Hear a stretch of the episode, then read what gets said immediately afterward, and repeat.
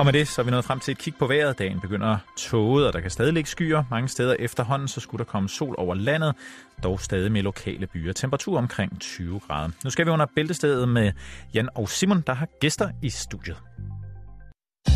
Du lytter til Radio 24 /7. Danmarks nyheds- og debatradio. Hør os live eller on demand på radio247.dk. Velkommen i Bæltestedet med Jan Elhøj og Simon Jul.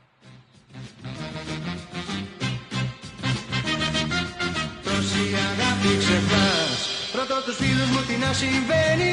Κανείς τους να μου πει δεν ξέρει. Και έτσι μόνος περιμένω στη γωνία κάθε βράδυ στο σκοτάδι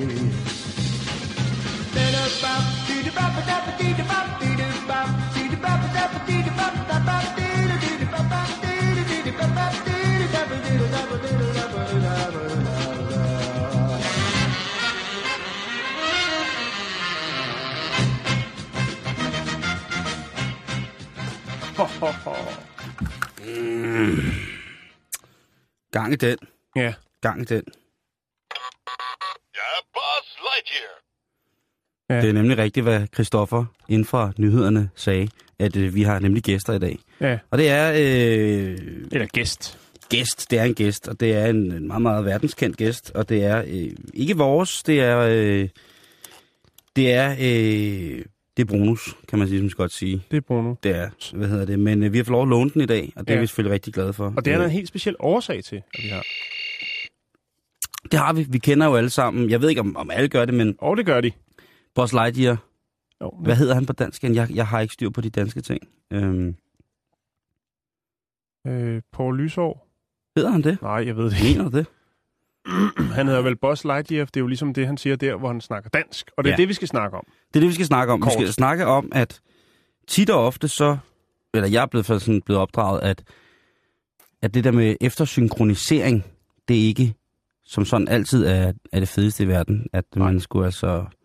Det er lidt ligesom Google Translate, ikke?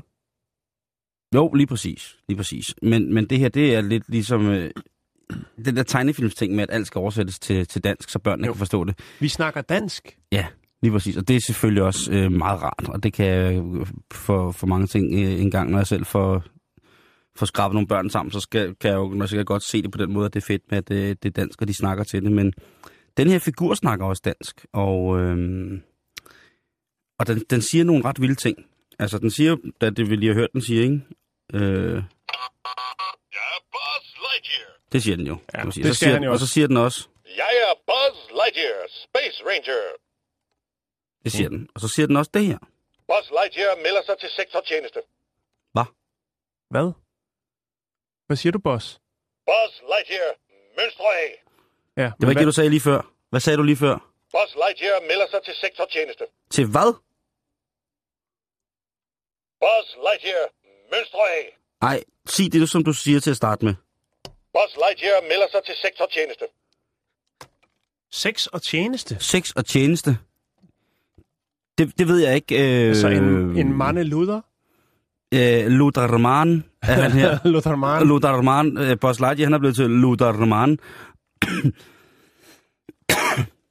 og undskyld, jeg, jeg er mildt Der, der er gået noget galt på fabrikken der. Et eller andet er der, er der er stukket noget af i de der taletip der, som ikke helt er, er blevet indtalt mm. ordentligt. Men øhm, Kan han, bev- kan han bevæge alle led? Jeg tænker mere, hvis han skal opfylde nogle ønsker. ja, hvis han skal opfylde nogle ønsker. Jeg kan jo godt, eftersom at jeg jo er meget, meget, meget... Øh, Adræt. Tak, mormor. Nej, jeg, jeg kan jo godt, hvad hedder det, på mange måder gætte mig frem til, hvad han skal sige, men det lyder ikke sådan, Nej. som den skal sige. Og det synes jeg øh, på, på mange måder jo er, er, er sørgeligt. Buzz Lightyear melder sig til sektortjeneste. Nej, det, du melder dig ikke til sex og tjeneste her. Slet ikke i det her program. Det er ærgerligt, at øh, et så ellers elsket stykke legetøj øh, med sit danske sprog, med sin danske tunge, på den måde skal faldbyde sig som en, øh, en form for, for sexlegetøj. Det, det synes jeg ikke hører nogen steder hjemme. Det kan Nej. jeg godt blive en lille smule øh, farvet over. Men det skal jo ikke afhænde os for at komme i gang med programmet. Nej. Og øh, ja, der er nogen, der vil mene, at foråret står for døren. Foråret? Er det ikke efteråret? Efteråret, undskyld. Ja, det, er Efteråret. det. det ved jeg Nej, godt. der faldt det hele. Vi skal snakke om overgangsalderen. Nej, det skal vi ikke. Vi skal snakke om overgangs-SU. Nej, det skal vi ikke. Vi skal snakke om overgangsritualer. Nej, det skal vi ikke. Vi skal snakke om overgangsjakker. Fordi at efteråret står for døren, og så skal man derud og erhverve sig en overgangsjakke. Jeg kan simpelthen... Det er øh, ekvipering, en glidende ekvipering fra den ene årstid til den anden. Ja, for jeg kan jo godt regne ud, hvad det betyder, men jeg troede ikke, der simpelthen var noget... Jeg troede ikke, der var mennesker, der var så forfængelige, at de ville hoppe på øh, endnu et øh, sovset trick fra modebranchen. En overgangsjakke. Ja. Er det ikke nok med en fleece? Og så kan man glide rundt i En ekstra trøje. årstider. En ekstra trøje, ikke? Det, var, det det, det hedder, det hedder det hjemme ved os. Det ved jeg ikke, om, om man skal fra sommerjagt. Det, nej, jeg har ikke. Har du købt øh, overgangsjakke? Øh, nej, jeg har, jeg har en del fra sidste år og forrige år og året før der. Men der har du altså købt overgangsjakker. Mm, Jeg, ved, jeg har ikke betegnet det som øh, præciseret eller defineret det som værende overgangsjakke, men bare det med, at det bliver lidt koldere, og så har man en vindjakke eller en anden tynd, smart jakke. Og det er faktisk Woman, der ligesom har fundet fire rigtig, rigtig, altså damebladet Woman, Ja. der har fundet øh, fire fantastiske overgangsjakker, Er så du er klar til efteråret. Hvor dejligt. det er Womans egne fire favoritter. Udover det, så vil de også godt lige øh, pointere, at der altså også er ved at tid til at slappe lidt mere indendør. Og det kan man jo gøre i fem super feminine kimono.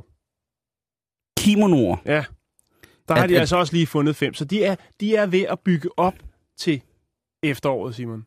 Det, Altså overgangsjakken og så en dejlig kimono, når du kommer hjem. Så ja. er du med.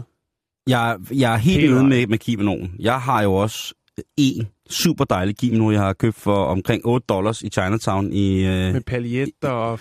nej, den er meget, meget, og- den er meget, meget, meget simpel. Øh, den er sikkert lidt for kort, og den er, den er pisserar på. Øh, men 8 dollars Chinatown San Francisco, det er jo et fund for de penge. Og den har, altså holdt, den har altså holdt i nogle år. Det, og det Ja. er rimelig autistisk materiale, den er lavet i, vil jeg helst sige. Det er sådan en blanding af viskose og et eller andet andet. Akryl. Som, ja, det kunne det, snit, det kunne det faktisk snit være. Det gode ved akryl er, at det faktisk er tørt, lige så snart du hiver det ud af vaskemaskinen. Du har fuldstændig ret. Men Nå. jeg har så fundet, Ja. undskyld mig, Ja, ja. fordi at, da, da du siger det her tidligere i dag, så tænker jeg, det skal ikke hedde sig, at øh, det er altid dig, der skal komme med de, med de hæftige fashion news. Så jeg har været på alt for damerne, og der har jeg altså læst Victoria, Zushnikov. ja, noget af den stil, øh, hendes øh, artikel, der hedder Ugens nøglekøb. Okay, nøglekøb. Yes. Har du prøvet det? Er det fordi, der er den der, det der nøglemærke på? Jeg ved det ikke. Altså, Nå. vi nærmer os den der, øh, og det er gratis til alle jer reklamefolk, der sidder derude. Øh, hvad hedder det? Altså, kampagnen, der hedder, der er så meget, kvinder ikke forstår. Den er fin nok, men her der er der altså også utrolig meget, mænd ikke forstår. Og øh, et nøglekøb, der vil jeg uden- umiddelbart øh, sige, er der noget, er der en lås et sted i vores, vores hverdag? Bil, cykel, hus, hjem, et eller andet kælder, en hemmelig kasse, som jeg skal have lavet en nøgle til det er selvfølgelig overhovedet ikke det drejer sig om. Det drejer sig om, hvad er det allervigtigste, den allervigtigste beklædningsgenstand at købe i lige præcis den her uge, ifølge alt for damerne, Jan. Og ved du, hvad det er? Det må være overgangsjakken. Nej, det er simpelthen de hvide bukser. De hvide bukser. Ja. Oh, det er mange år siden, jeg har haft Åh, et par de hvide bukser, åh, de hvide bukser, toe. hvorfor? Det, hvordan er hun nået frem Jamen, til det? det står der, denne her sæson har hvide, øh, hvide bukser ikke været at gå udenom. Den klassiske hvide, den. Den klassiske hvide sommerfarve skaber et let og lækkert look, ja. som du kan bruge både til hverdag, Bygningsmalerne, Ja. Hverdag og aften. Her er vores bud på ni hvide bukser. Så har de så simpelthen vist mig ni par hvide bukser, ja. Så man ikke er i tvivl om, hvordan hvide bukser ser ud. Nej. Men det er altså dit nøglekøb, Jan. Det er så Ja. åbenbart, hvis vi slår det sammen. Er der nogen, der er taljeret? Jeg er vild med taljerede bukser til mig selv. Det ved jeg ikke. Der er nogen, i, der er emaljeret. Jeg ved ikke, om det Eller lavtalje, det er også, det kan jeg godt lide. Godt Okay, lide- jeg er mere til sådan en, øh, en bermuda altså en piratbuks med lommer på siderne. Det er også fikst. Mhm. Mm-hmm. Og gerne lidt snøre for, nede i bunden, Lige ikke? præcis, ja. Lige præcis, så man kan have sin, øh, sin hyldeblomst liggende dernede, når man er ude at samle, ikke? I sin hvide piratbukser og sin lille crocs og sine uldstrømper.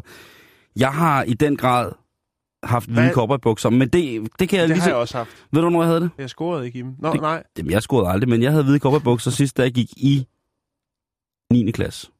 Ja, jeg har nok været lidt ældre. Ja, det er Men, som men er du mest altså. til højtaljet eller lavtaljet? Altså, du, det skal ikke være dem, Super. der bare går lige der. Jamen, det i kommer an på, hvilken situation det er. Ja. Øhm, jeg er øh, sindssyg, og det er fordi, jeg ikke er med på moden, så er jeg vild med lavtallede bukser. Jeg synes, det er øh, piger i lavtallede bukser. Det er... Jamen, det, hvad med dig selv? Nå, jamen, jeg er jo, jeg er jo en uniguy, kan man sige. Jeg, jeg gør, kører jo med det hele. Jeg kan sagtens have et par bukser på, hvor om morgenen så er de højtallede, og så om eftermiddagen så hænger de helt ned og flagrer om. Ja, sådan er jeg. Jo, jeg, det... jeg er ikke på den måde genert. Nej, det har jeg bemærket. Men altså, øh, Og godt, godt, vi overgangsjakken... laver radio og ikke tv. Lige præcis. Overgangsjakken og de hvide bukser, Ja, Det er så er sådan- godt på vej. så er man altså for sindssygt klar til at, øh, at rykke i den her uge ren modmæssigt, ikke? Fan, mand! Hvad ligner det her? Stil af det lort ud på gaden, mand! Man går og skvatter i det! Vi var om det for et par dage siden med, at øh, i Hillerød, der var der blevet solgt øh, meget Var det ikke nødebo? Nødbo, nødbo, Ja, ja. det er også tæt. Tæt på. Ja. At der var der øh, blevet solgt en rollator til et loppemarked.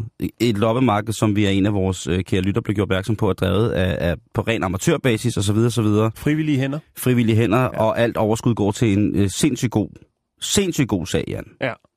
Det lokale foreningsliv. Der var en ældre herre, der skulle op på første og kigge på porcelæn. Ja, og da han så kom tilbage, så var der en eller anden øh, kage, øh, der ikke var bagt færdig, som så havde solgt hans rollator for 150 kroner. Alt endte godt, Ja, det Kan man sige. Gudskelov. Og vi håber da, at, øh, at alle implicerede parter på et tidspunkt i løbet af de næste årtusind kan trække lidt på smilebåndet af situationen, på trods af dens ramme, ramme alvor. Jeg tænker også på et, øh, et gerningsmand-offer-møde ville også være på kommunen, ville være meget oplagt til sådan en sag. du har helt ret. Du har fuldstændig ret. Men nu er den gal nu- igen. Nu er den gal igen, Ja. Jan. Og det er igen den allestedsnærværende journalist John Jessen Hansen, som altså skriver her på lokalavisen.dk i Hillerød og nærområdet. Og det drejer sig den her gang om krammermarkedet, fordi en manglende spiritusbevilling er nu måske i gang med at kvæle krammermarkedet i Hillerød. Altså Hillerød Krammermarked, som øh, på torsdag ville have været åbnet for 32. 20. gang, eller som forhåbentlig også åbner. Ja, jeg skulle sige, nu siger du vilde. Ja, men den, det åbner. Hvad er Men- problematikken? Problematikken er, at man ikke må drikke stærk alkohol på pladsen. Der er, Nå. Men man må fra- stadigvæk også sælge ufattelig mange tennissokker og andet. ja, det tror jeg gerne, man må. Det det tror jeg øh, øh, på alle mulige måder. Det. Igen er det et krammermarked, som jo altså beror sig på, at den gode sag er og den, det ungdomsorienterede lokalforeningsarbejde i Hillerød og omegn. Så det, det, alt overskud, eller man kan sige, det der, der skal være overskud, det går til nogle, nogle fantastiske formål. Men af, dem, der afholder det, jamen, øh, de har altså kun fået lov til at sælge øl og vin. Plus det, der hedder fabriksblandede produkter. Og der kunne jeg forestille mig, at det var noget som... Øh, Mokai. Ja, for eksempel, ikke? Øh, og andre former for, for hvad hedder det, for, øh, for ungdomsvoldtægt. Det, det ved jeg ikke. Det, det kan være alle mulige ting, ikke? Øh, øh, med ting, der indeholder op til 6% alkohol, kan man sige. Men det er de der krammer ikke særlig meget for. Nå. Fordi De vil have noget med, med nogle flere vold i. man plejer at få et shot. Og et shot, det er jo altså... Hver gang man indgår en handel. Eller... Det ved jeg ikke. det kan godt være, men det, det tror jeg faktisk, det er. Lidt ligesom at være, i Big Bowl. Ja, eller er der Bøf også for Bowl, og hvad de ellers hedder. knip og høvl. Det var, man kan komme ind og bolle. Ja, det er fint, okay. det er fint. Ja, men... Der er øh, i den gode sags tjeneste blevet råbt vagt i gevær i forhold til chefen, der står for bevillinger til sådan noget der. Og han siger, i Nordsjællands politi der, han siger, at jamen, øh, desværre så kan for mig alkohol, sådan nogle steder som krammermarkeder, medføre en effekt, som kunne minde, altså en effekt af dårlige ting, øh, som kunne for eksempel være ligesom ringe i vandet, når man har smidt en sten i. At, Mm. Det er jo bare de små skarpe, der gør udfaldet. Simpelthen. Det er... Øh, og, og det er altså noget, som de tager meget alvorligt op, fordi redaktøren og artiklens forfatter, han siger også, at øh, han påpeger afsavnet øh, de mange ungdomsaktive vil li- lide, hvis ikke det er, at det her krammermarked får lov til at blive eksekveret, og så videre. De har taget så mange andre sikkerhedsforanstaltninger. De har hyret private vagtværn ind på Hillerød øh, Krammermarked. Jeg er jo vokset op med Roskilde Krammermarked. Og Ja. det er jo altså... Det ved jeg ikke, om det er samme, om det er lige så stort, eller hvad det er, men det er i hvert fald også professionelle. Det i Hillerød er temmelig stort også. Det er kæmpe, kæmpe stort, ja. i hvert fald det er Roskilde. Og Der er jo altså strip og dørtræk, og så er der sådan... nogle- Dørtræk. Ja, så, sidder de, så st- står de og gasser op i deres biler, ikke? Nå, Øh, okay. Så er der, øh, ja, der har der også, jeg har da også set, øh, set nogle episoder, hvor der blev det cowboyflade ud, men det var ikke noget med, med øh, kniv, sakse, øh, Nej. øh, noget som helst. Nej, nej. En god gammeldags måde. Øh, men der var masser af fadel, og så var det i den grad øh, rigtig, rigtig mange shots, ikke? Men det er altså nu, at, øh, at, at de lokale aktører i Hillerød Krammermarked, de frygter for deres, for deres elskede, elskede Men det er vel for helvede ikke alle, der kommer for at få shots. Altså, det, kan, 200 kroner! det kan da tage derhjemme. 200 kroner koster... Det er så stavl tallerkener 200 kroner. Altså, hvis Ej, der er tung, tungrillede pølser og fadøl, så burde det da være nok til at holde en fest. Man behøver da ikke at blive skudt afsted på alle mulige øh, gajolshots og... Sådan kan man så være en kasse gamle jakker til 500 kroner. Den køber jeg. 600 kroner så. Jeg skal lige høre, den kasse jakker, er der nogle overgangsjakker i? For det står faktisk at bruge. Foråret står for døren. Eller var det efteråret? Det var efteråret. Jeg har fået for mange du kan holde over, så er det overgangspris, er der 500 kroner. Men Simon, det kan da ikke være rigtigt, at det er der, det skal stå. Det er det. Hvis de ikke får lov til at servere, hvis de ikke får lov til at servere shots, så er Så bliver altså de sure. artiklens forfatter her, John, han er så bange for, at så er det slut. Så kan man ikke mere. Så er der øh, intet at gøre, Jan. Altså, hvis det er shots, der holder den butik kørende, så burde man måske bare overveje at lukke det ned. Jeg ved godt, det er måske ikke er populært at sige, men altså, der man kommer vel for at gøre en god handel, ikke? Og For at støtte få et et- godt formål. For at få et par billige chucks. Og et par hvide tennissokker og gøre en god handel på et ægte, eller næsten ægte tæppe. Lige præcis. Ja. Og selvfølgelig for at støtte det gode formål, som overskud går til. Men selvfølgelig, det er klart, hvis man i Hillerød ikke vil støtte et godt formål, medmindre man er brandhamrende lam og køber store kasser med overgangsjakker, Ja. så ved jeg ikke, øh, så ved jeg, skal gøre. Jeg håber, vi følger sagen tæt, og vi håber selvfølgelig, at på alle mulige måder, at de ungdoms, de trængende øh, ungdomsaktive foreningsliv får, øh, hvad der bekommer dem, og at man på trods af, at der ikke er alkohol på over 6%, stadigvæk kan afvikle et krammermarked. Det, det er også, der er jo mange krammer, der er fulde. Så er det sagt. ja. Det er godt, du generaliserer, så kan vi nemlig komme videre med programmet. Altid. Du skal altid generalisere. Jeg glemte helt, jeg ikke kunne svømme. Det har jeg aldrig kunnet. Han er vrøvl. Alle kan svømme. Der er bare nogen, der ikke har lært det endnu. Øh, så skal vi til det. Ja. Jeg har glædet mig. Vi har haft gang i historien. Jeg mener, var det i mandags? Eller var det i... Det var i mandags, fredags. hvor jeg lige ventede, at søndagen jo, som sagt, var international topløs dag. Ja. Ja. Og vi har snakket om, at vi ikke havde bemærket det her i, øh, i København. i København. Jeg Mm. ved ikke, om der har været sendt endelige billeder, hvis I har set noget et sted. Ja. Øh, men i USA, der rykkede det altså. Ja, selvfølgelig. Ja, og jeg vil godt lige vende tilbage til det, fordi da jeg begyndte at grave lidt der, så dukker der altså nogle ting op, hvor jeg tænker, okay, der er lidt flere lag på, end jeg lige havde regnet med. Vi kan starte i øh, den amerikanske by San Antonio. Der var der øh, et opbud på 30, skal man kalde det demonstranter? Det kan man måske godt. Det, det handler om, den her internationale topløsdag, det handler om, at øh, kvinder og mænd skal være ligestillet i forhold til det med at gå topløs, eller med bare overkrop, som det hedder, når det er en mm-hmm. mand jo, Ja. øh, i det offentlige rum. Ja. Og i San Antonio, der var der altså 30 mennesker, øh, herunder flere næsten topløse kvinder. Mm. Og så tænker jeg næsten. Jeg har kigget på nogle billeder. Der er nogle af dem, der har bare vafler, og så er der nogen, der har pakket lidt ind, og så er der et par, et par lune mænd, der har taget en BH på. Der skal ja. være lidt sjov i gaden. Ja, det, det ja, sjov, sjov. Ja. Sgu ikke. 30 demonstranter øh, og 100 mennesker, hovedsageligt mænd, som følger optoget med deres kamera. Må ikke, der skulle samles lidt ind til gokkebogen der. Oh, Og det har åbenbart været en uh, tendens rundt omkring i hele USA. Det har været, at der har været forholdsvis få, der ligesom er gået med i det her optog. Øh, og så har der været ufattelig mange, der har været stå, stået på sidelinjen. Ej, nogle gange så er vi mænd altså bare sådan... Ja, vi er nogle grisabasser. Ja, det er vi her. Vi er ja. Garisha Bosch. Vi er jo taglige taber, altså. Ja. Ej. Så tænker jeg, jeg må ind og kigge på hjemmesiden, som hører til øh, det her fantastiske arrangement. Og den hedder selvfølgelig Go Topless .org. Der er to hjemmesider. Det kan vi lige vende tilbage til. Herinde kan man blandt andet øh, lige læse lidt om øh, reglerne i de forskellige stater. Der er jo forholdsvis mange stater i USA. Ja, det er der. Lige så mange, som der er stjerner i deres flag. Åh, oh, det rimede, det var vildt. Nå, øh, og her kan man altså lige gå ind og kigge på, hvorhen der har været afholdt demonstrationer, og hvad reglerne er i den stat i forhold til det med Og optræde topløs. optræde topløs. Lige præcis. Udover det, så falder jeg over noget, jeg tænker, hvem er det, der ligesom har fundet på det her? Hvad er det, der sker her? Og der står der så, at øh, den, øh, den amerikanske afdeling af den her organisation blev etableret i 2007. Mm-hmm. Og så kommer jeg til det, hvor jeg tænker, nu bliver det mærkeligt. Er den åndelige leder Rael? Nej, det er ikke mærkeligt, det, men det, jeg kan, hvis, du, hvis man ikke kender til Men det er jo en grisebasse. Israel, hvis man ikke kender til Claude Maurice Marcel Vorillon, så har man et problem. Og så er det selvfølgelig svært at forstå. Altså, man har ikke et problem, men så, er det selvfølgelig, så kan det være svært at forstå. Ja.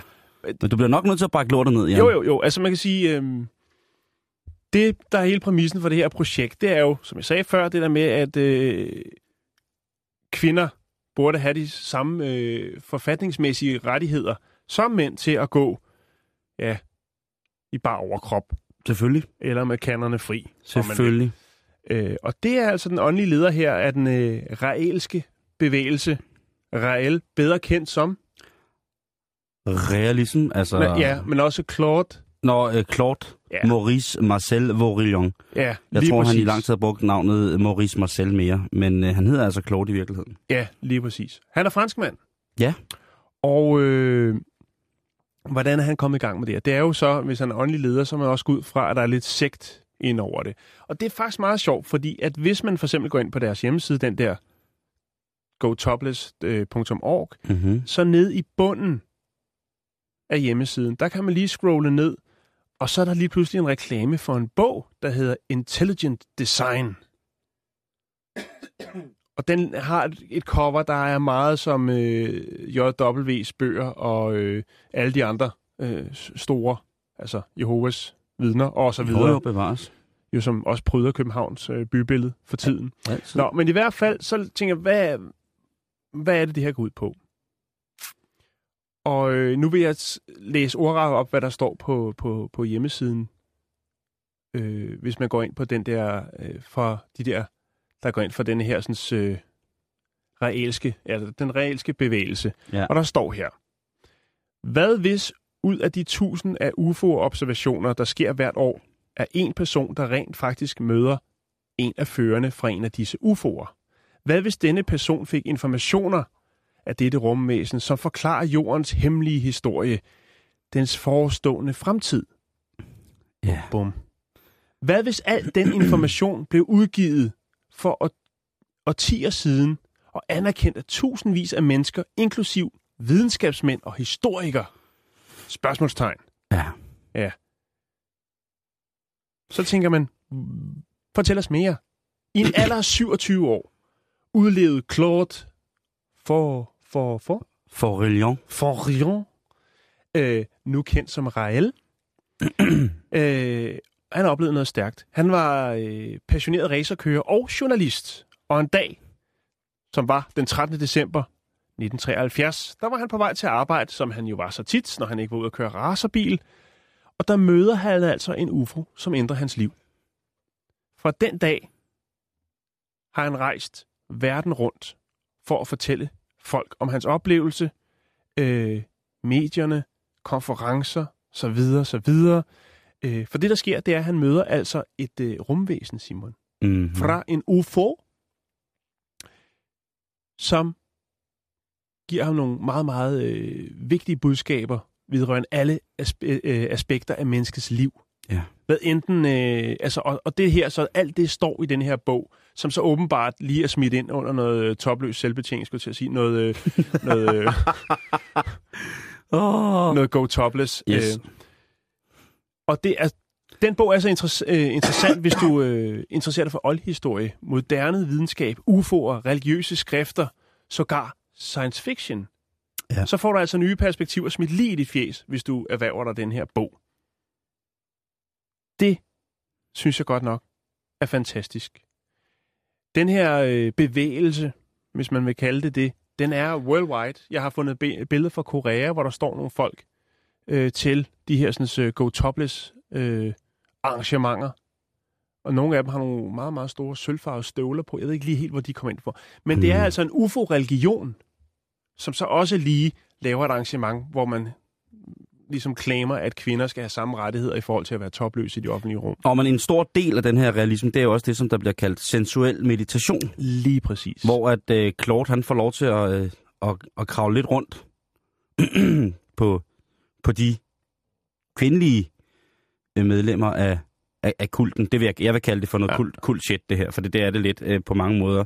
Han har jo sin helt egen, øh, sin helt, som du selv fortæller, han så, den der helt egen dagsorden han har med, at øh, Elohim, de her overmenneskelige aliens, der kom for mange tusind år siden til jorden, øh, ligesom øh, former os nu og sådan nogle ting, og så jeg fortæller os, hvad vi skal. Ja, mm. Det, det, er, det, som du siger, det er lidt, det er lidt specielt, men man kan, jo, jeg, man kan jo kun beundre ham for, at han på et eller andet tidspunkt har fået, øh, fået fænomenet bare patter ind i, øh, i hele det her øh, Ja. meget, meget store og verdensomspændende, ah, store, store, ja. men verdensomspændende øh, kultfænomen, som han selv har fundet på. Og hvis man går ind og kigger på ham, jeg ved ikke, om du har et billede af ham, vi har jo beskæftiget os med ham før i forhold til mærkelige mennesker. Ja. Og jordens undergang, øh, om vi lige skulle lægge et billede op af ham, så man kunne se, at så, så, så giver det meget mere mening, det vi har siddet og sagt i hvert fald. Ikke? Ja, ja. Det første, jeg kom til at tænke på, det var den historie, der var i øh, et eller andet... Det var ikke et TV2-program. Jeg kan ikke huske. Der var et tv-program, der hed Nathan Yoga, Yoga ude på Nørrebro, som også havde lidt det samme, hvor der først der hiver man nogle, øh, nogle frigjorte kvinder ind til noget yoga, og så kan de ryge et par trin op ad stigen, og lige pludselig så møder de altså så den åndelige leder, som er en eller anden nede fra... Øh, ja, men lidt, lidt øh, nede sydpå. Øh, Og det minder, sgu lidt, det minder lidt om det samme. Det er noget Ja. eksotisk, og du kan ryge op i graderne, hvis du... Og så her, der tænker man så, okay, hvis vi lige smider den der sådan med øh, lige rettigheder for, for kvinderne øh, på det punkt, så ved man i hvert fald, at man lige kan hive nogen ind der, og tænker, at de skulle ikke genere det. Og nu ved jeg godt at generalisere. Men jeg tænkte bare, det kom bag på mig, Simon. Du vidste åbenbart heller ikke så, at det også er ham, der ligesom er røget øh, ind i her med øh, Go Topless. Nej, det vidste jeg faktisk ikke. Nej. Det, vidste, det må jeg alle indrømme, men jeg vidste godt, at han var en, undskyld mig udtrykket, men en lummerkal. Ja. Lummer, lummer, lummerkal. Jeg lægger et link op til gotopless.org, hvis man ikke lige selv orker at skrive det. Øh, Og så kan man jo gå lidt på opdagelse i det. Og bemærk øh, den lille bog, der også sælges på siden helt nede i venstre hjørne. Jan, Ja, vi skal til, øh, til Canada, fordi vi følger jo Torontos udvikling. Og 0 efter Rob Ford. Øh, Det er vigtigt for os øh, at være med i, at, at der jo her til lige om lidt er øh, Der er valg. Borgmestervalg. Borgmestervalg. Og vi har jo været inde på det i, var det i forgårs? Ja, Øh, at, øh, øh, nu er den her Rob Ford-masken, og den skal nok komme til at, at, at prøve byen op til valget. Og Rob Ford, hvis man ikke har fulgt med, borgmester, jeg gør det meget kort, borgmester i Tak. Toronto, elsker at ryge crack, og det går galt. Så det, sådan er det, så- altså, det bliver opdaget, og det går galt. Og nu vil han altså, på, på, mest også på grund af, at han har, påstår, at han har været på afvending, som han i åbenlyse vendinger på sine sociale medier beskrev som værende, det er ligesom at være på lejerskole, så vil han altså gerne vende tilbage som lokalpolitisk stormester i Toronto. Han går stadigvæk for at blive borgmester. Men en af dem, som også går for at blive borgmester, hun hedder Sarah Thompson, og hun har et lidt andet liv på beding.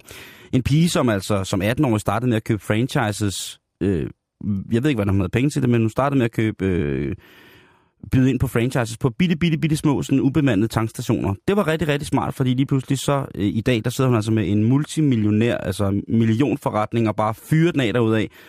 Og hun er ret sjov, hun er øh, gift og er mor til to, men sådan en dame med nogle holdninger, som hun gerne vil have igennem, og nogle øh, værdipunkter i hendes liv, som jeg synes er ret morsomme, og som jeg synes også er pisse vigtige, og som jeg i virkeligheden giver en ret i. Hun er sådan en, en, en smuk ældre pige med lange dreadlocks, og øh, hun har altså sagt, at hvis hun bliver borgmester, så skal de ældre borgere i Toronto have adgang til gratis Viagra.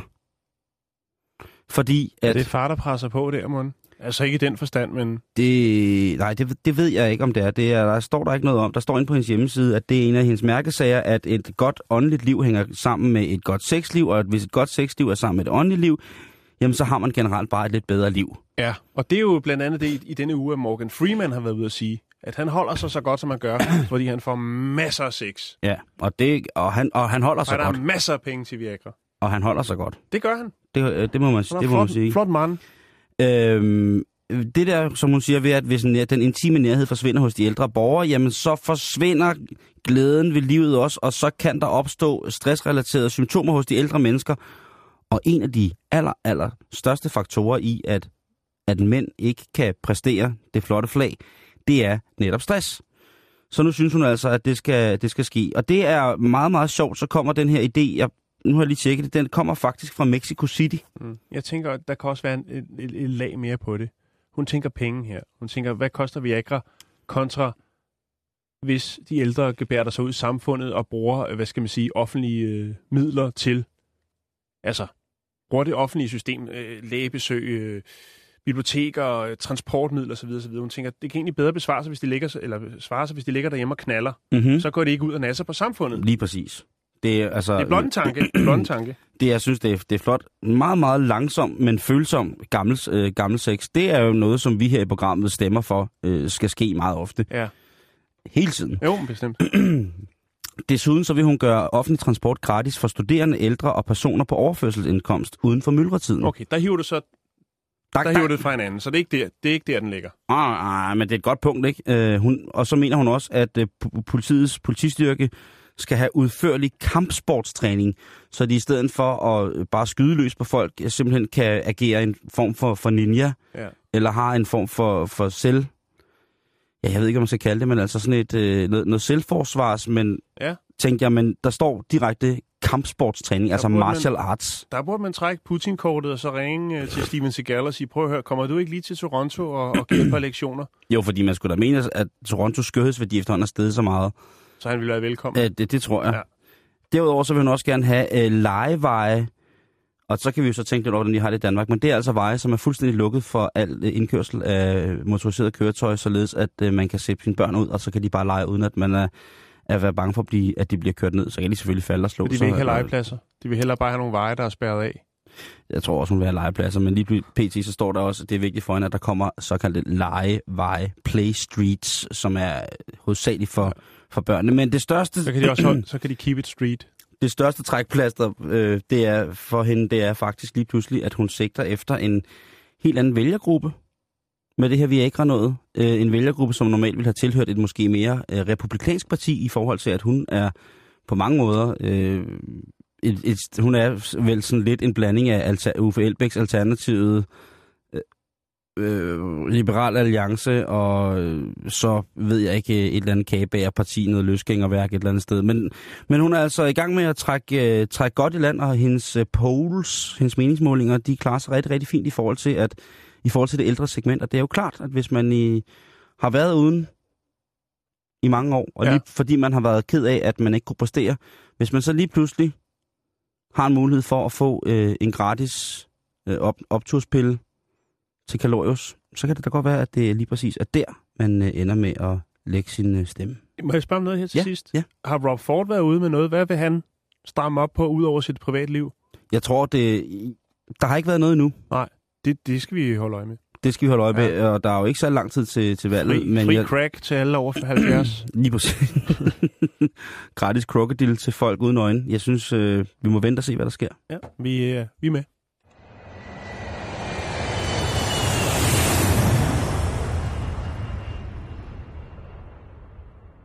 Man kunne godt køre dig til i bil, nu når vi er i Toronto, Mm. fordi vi skal kun til Idaho. Oh. Vi skal snakke om et band, som vi snakker om, også i mandags. Vi følger godt nok op i dag, hva'? Ja, jeg synes, Ja, det er... det, hele- det hele bliver kædet, øh, kædet meget, meget god fint sammen. kurv. God kurv er, er ikke tilfældig sammenfald. Nej.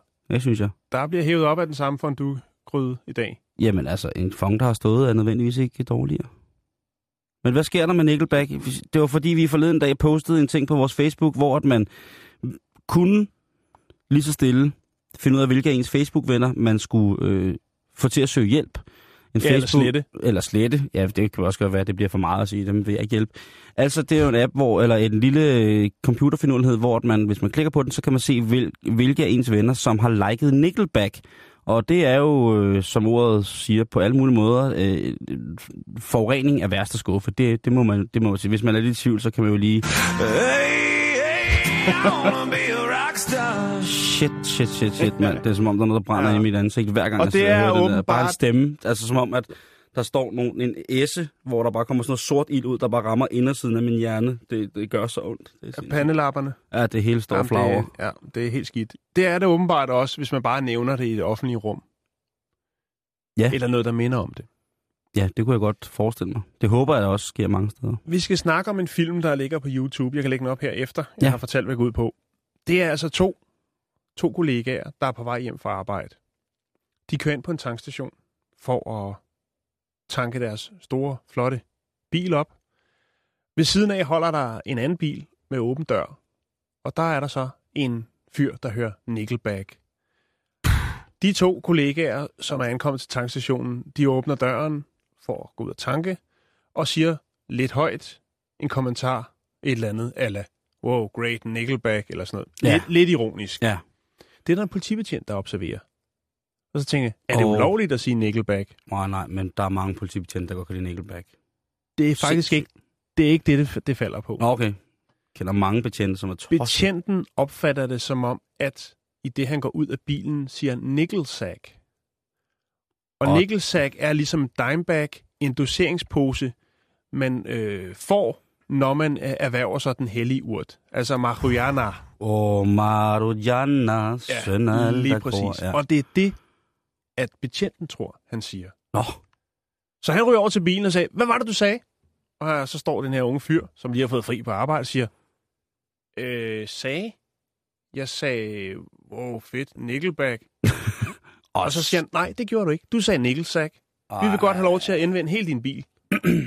Vi vil godt finde det. Så prøv jeg, mig og mine kolleger her, vi er lige fået fri. Altså, du må være mere end velkommen. Jeg kan ikke forstå, hvorfor er det er forbudt at sige Nickelback. Og der går lidt frem og tilbage. Og det er jo tit sådan med de her videoer, der ligger på YouTube, at der tænker man, hvorfor er det ikke bare, at de giver betjenten det, han vil have, og så luk ned der. Fordi du kommer aldrig til at vinde den kamp lige meget. Mm, Mm, mm, mm, mm, det er mm. ordens magten. Hvis de tror, du har noget stash på dig, ikke? Ja, men det er også det, så vender de vrangen ud på dig. de, de, går lidt, de går lidt op, det går lidt op i en spids, ikke? fordi han insisterer jo, den her betjent, altså på, at der bliver sagt nickelsack, og de står der, nej, jeg sagde nickelback, bla bla bla. På, det ene, på et tidspunkt, det hele bliver filmet på Ja, ja, mobiltelefon, der vælger den ene betjent simpelthen at trække sin pistol. Man kan godt nok ikke se det i billedet, men senere ser man så den ene af de her sådan, to unge mænd i den her bil, der lige har fået fri fra arbejde, der er inde på den her tankstation for at tanke op og høre Nickelback, hos dem, der står ved siden af, stå i håndjern. Fordi der har den betjenten så åbenbart fået nok. De har trukket deres håndvåben og puttet den ind i håndjern. Fordi nu er det altså seriøst. Nu har de fået nok. Ja. Og det er til trods for, at de er blevet tilbudt at øh, rense af hele bilen for at finde øh, den hellige urt. Altså politimændene har fået tilladelse fra de forurettede, kan man sige. Lige præcis. Okay. Okay. Anytime, brother from another mother, kig i bilen. Vi har ikke noget. Vi har lige fået fri Men det er det, jeg siger. Nickelback gør folk sindssyge. Jamen, det er det, Det jeg gør, mener. det gør, de trækker våben, det, det, går, det går mok, hvis der kommer for meget Nickelback. Det, Ja. det, det, det, det, det, kan blive voldsomt. Det Jo. kan blive voldsomt. Man skal virkelig dosere Nickelback. Virkelig øh, på mange måder. Det, og, og det synes jeg bare, hvis man kører rundt lige nu og hører og, og kigger på nålen, når man kører rundt og hører Nickelback og kigger på nålen og ser, nu skal jeg ind og tanke op, sørg lige for at skrue ned, fordi det kan få fatale følger. Ikke kun for dig selv, men også for dine medmennesker.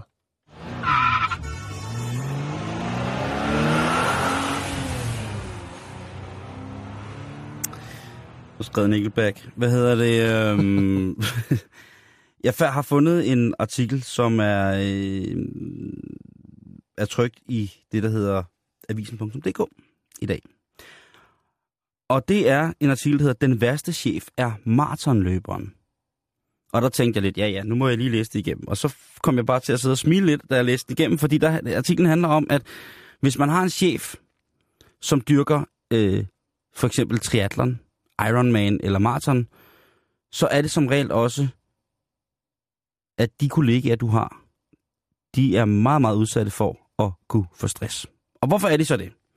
Og det forklarer Thomas Milsted, som er generalsekretær i Stresstænketanken til Søndagsavisen faktisk. Og han siger, at, at når man har en chef, som dyrker sådan nogle ting, som er så individuelle på mange måder, Mm-hmm. så vil han også altid bedømme sine medarbejdere ud fra et meget elitært system. Apropos det der med ikke? Jo, jo, jamen endelig. Altså, ellers så kommer vi jo aldrig videre. Og det siger han, fordi at der er blevet lavet en undersøgelse, som øh, HK har bedt den her stresstænketank om at lave, som har handlet omkring sammenhængen mellem stress øh, hos medarbejderne og deres egen vurdering af, om de har en dårlig chef. Så altså medarbejderne, der er blevet undersøgt her af HK, de skulle altså svare på, om de havde en god chef, og så er de så derudfra kigget på, hvad chefen gik og lavede. 55 procent af de adspurgte i undersøgelsen svarede, at de både havde et højt stressniveau og en dårlig chef. Øh, blandt de folk, som havde en god chef, så var der kun derimod 11 procent, der led af stress. Hvad siger du til den? Jo, og hvad lavede de i deres fritid? Med der undersøgelsen om det? Jamen, det ved jeg ikke. Jeg har bare aldrig nogensinde tænkt den vej. Nej, men jeg kan godt, det kan jeg, jeg kan godt følge det. Jo. Øhm, det, er jo, det er jo bare en, en vild udtalelse at komme med, synes jeg.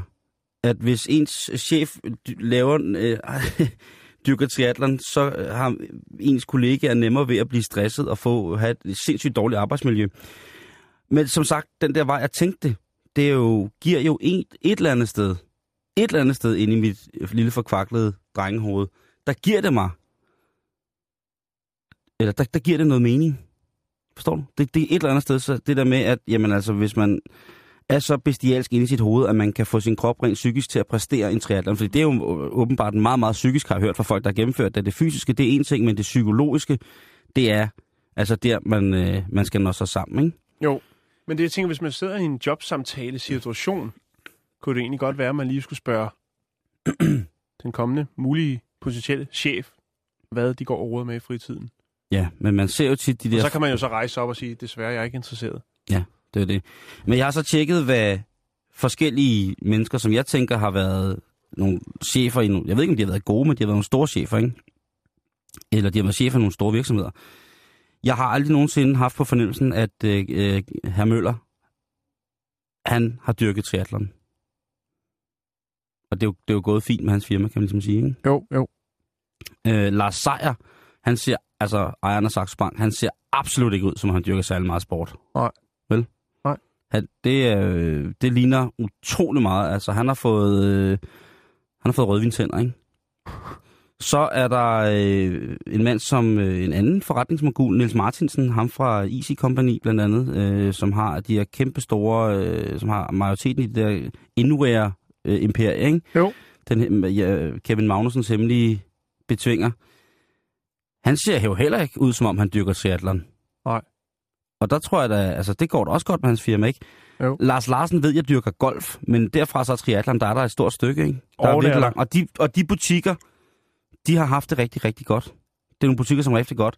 Om folk, der arbejder der så har været stresset, ja, det, det har det jo sikkert til et vist punkt, men man kommer ikke så langt, medmindre der også er en eller anden form for øh, afstemt medmenneskelighed imellem ledelse og, og funktionel øh, arbejdsstyrke. Det, ja. det er jeg ret sikker på.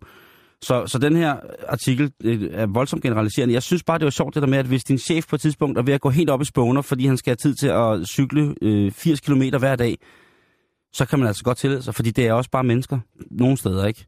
Så kan man altså godt tillade sig lige at sige, hey, boss, eller hvis hun nu hedder Jette, hey Jette, du behøves ikke lige præcis den triathlon i dag. Du, du, du skal nok gå alligevel. Du har også brug for en hviledag. Og selvom man ikke har skide meget forstand på triathlon, ja, det har jeg for eksempel ikke, men hvis jeg så noget, der så helt reelt ud herinde, ikke? altså hvis Mads, øh, Mads Brygger eller Michael Bertelsen eller Jørgen Ramskov for den så skyld lige pludselig begyndt at dyrke voldsomt triathlon, ikke? Så vil jeg også sige, det, det hører ingen steder hjemme. Lige Nej. pt. Ikke, ikke, ikke, ikke nu, og ikke på det niveau. Stille og roligt skal man komme i gang, ikke? Altså stille og roligt.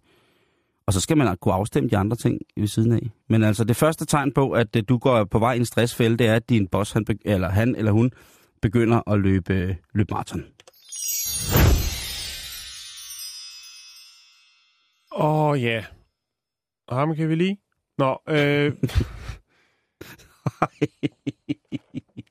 jeg skal lige finde den rigtige historie. Jamen, så finder jeg Og jeg ved godt, der sidder nogen siger nej. Melder sig til sektortjeneste. Disse legetøj. Jeg ved godt, at øh, vi har været der før. Der sidder sikkert nogen og siger, ej, hvorfor skal det altid handle om USA? Jamen, det er bare fordi, at de er gode til at formidle de, eller rigtig gode til at formidle mærkelige historier. Øh, Og nu har vi haft meget fra, fra Asien. Så ja. jeg synes, vi skal ryge til Nicholasville i Kentucky. Der har man det dejlige fængsel. Og øh, en af de indsatte her, øh, en moranklaget, som hedder Michael B. Jones, 55 år, han var på, her for nylig, på en øh, udgang fra fængslet. Ja, utrolig nok, når man er anklaget for mord, man så får lov til det. Men Ah, han var... skal være tid til at leve, ikke? Jo, jo, jo, jo. Men i hvert fald, så skulle han på udgang. Og øh, han kommer tilbage, som de jo for det meste gør. Og øh, han har så åbenbart haft lidt fugtige underbukser på. Altså, Der er ikke snak om øh, inkontinens eller noget. Nej, Nej. Han har simpelthen tænkt, jeg skal have lidt til drengene med ind i fængslet. Så han har simpelthen taget sine underbukser og dyppet dem i metadon. Og så er han øh, røget tilbage til sin medfanger. Øh, blandt andet en 33-årig herre, der hedder Ej. Corey, og sagt, prøv at høre, øh, hvis du lige vrider mine underbukser op, så holder vi en lille fest i cellen. helt metadonvåde mandetrusser. Nej, Fuldstændig korrekt. Øh, altså. Og det, der så sker, det er åbenbart, at øh, Corey bliver så begejstret for øh, denne her sådan, øh, underbuksopvridning, at Ja. ja. han senere næste dag bliver erklæret død What? af en overdosis metadon. Nej, Jo, det var dog forfærdeligt. altså de har altså, godt fugtigt i de, den der truslet, han har haft Havde han selv indtaget det, eller var det simpelthen fordi, at øh, kroppen den absorberer noget af det væske, som der er, så sidder materialet under bukserne lavet? Altså har de absorberet metadon på den måde? Det, der er jo nogle stoffer, som mennesket godt kan igennem huden, langt de fleste faktisk Jo. optage, og så... Ej, hvor må det have været sindssygt at blive kvalt i sin egen metadonvåde trusser. Ja, det var så ikke ham, det var hans øh, cellekammerat. Nå okay, han har suttet hele trussen i bund. Han er simpelthen blevet så begejstret, at han har nappet godt til bomuldstrussen, og så er han blevet skudt afsted på øh, det her syntetisk fremstillede opioid. Det er altså en god idé, synes jeg. Det er meget godt tænkt. Det er rigtig godt og det er tænkt, også det, jeg siger, at fængselsbetjente skal måske lige være opmærksom på, hvis der er en, der lige har lidt for våde bukser øh, til, på vej øh, hedder på, øh, Ja. Tilbage fra udgang, så kunne der godt være snak om en, øh, en såkaldt metadon-trus. Hvor er det ja. Ja. sindssygt. Mhm. Og han er... Øh, ja, han må, han må selvfølgelig nok så også have en lille smule dårlig samvittighed, ham homien der, ikke? Michael B. Jones, som jo Ja. ja. i øvrigt nu bliver tiltalt for mor. Okay. Mhm. Stakkels mand.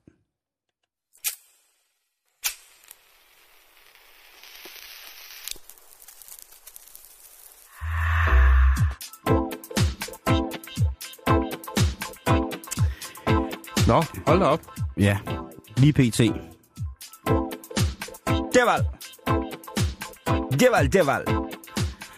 Øhm, en ny undersøgelse, som er blevet frigivet i blandt andet den, øh, det dejlige medie, der hedder forskning.no, det er, at øh, pot, altså den hellige urt, i ægteskabet faktisk kan være godt for noget. Vi hører jo altid de her forfærdelige historier med, at, at misbrugspar kommer galt afsted, og øh, det er også rigtig, rigtig, rigtig sørgeligt og tragisk på mange måder, men sådan er det vel med alle mm, former for misbrug, om det er små forbrugslån eller hvad det er. Men altså, 600 par er blevet, øh, hvad hedder det, øh, er blevet indlemmet i den her undersøgelse. Og det starter med, at de ligesom, da de ansøger om at blive gift i Buffalo i New York, bliver kontaktet af en forsker, som hedder Kenneth Leonard. Og han er øh, chef for University of, eller Universitetet i Buffalo's øh, Research Institute i forhold til, hvad hedder det, øh, at være afhængige. Mm-hmm.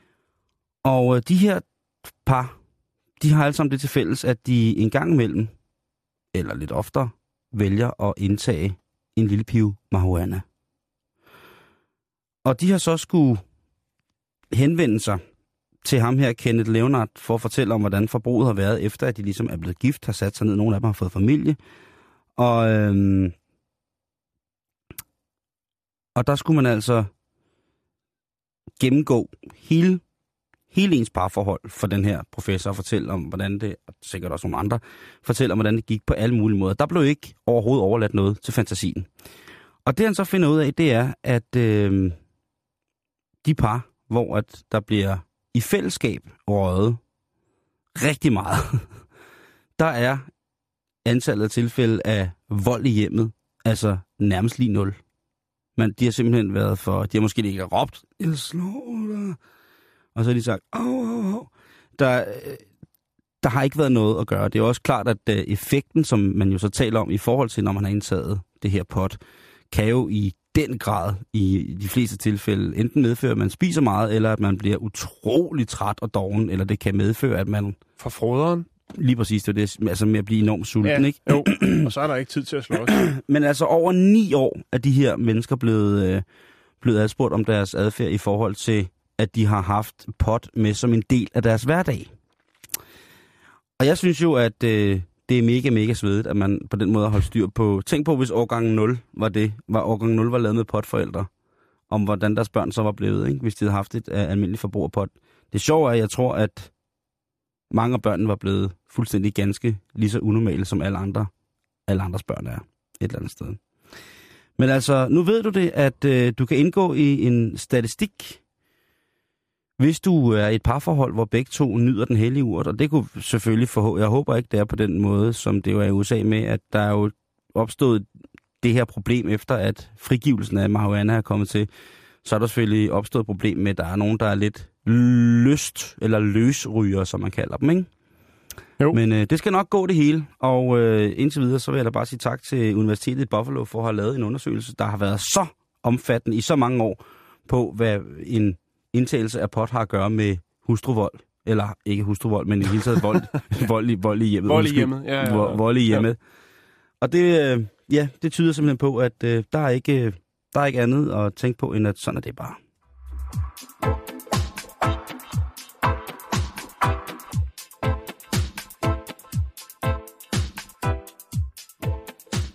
Simon, så kan vi lige nå en uh, sidste lille historie. Ja, Det skal ikke handle om 2-pack, 6-pack, 12-pack eller 24-pack. Det skal handle om uh, 99-pack. altså mavemuskler, så har man 99 mavemuskler. Nej, det er det ikke. Det handler om uh, en øl. Det handler om en uh, pakke, en kasse med øl. Buzz Lightyear melder sig til sektortjeneste. Sex og tjeneste, du. Og øh, det er altså et øh, bryggeri i USA. Ja, jeg ved det godt. Undskyld. Vi skal til Austin. Det er Austin Beer Works, Åh, oh, Austin Beer Works. som altså har lavet en øl, som de... Det kommer lidt bag på dem, der er blevet sådan en stor succes. Det er nemlig en, øh, en øh, ølkasse, som indeholder 99 øl. Det er en god idé.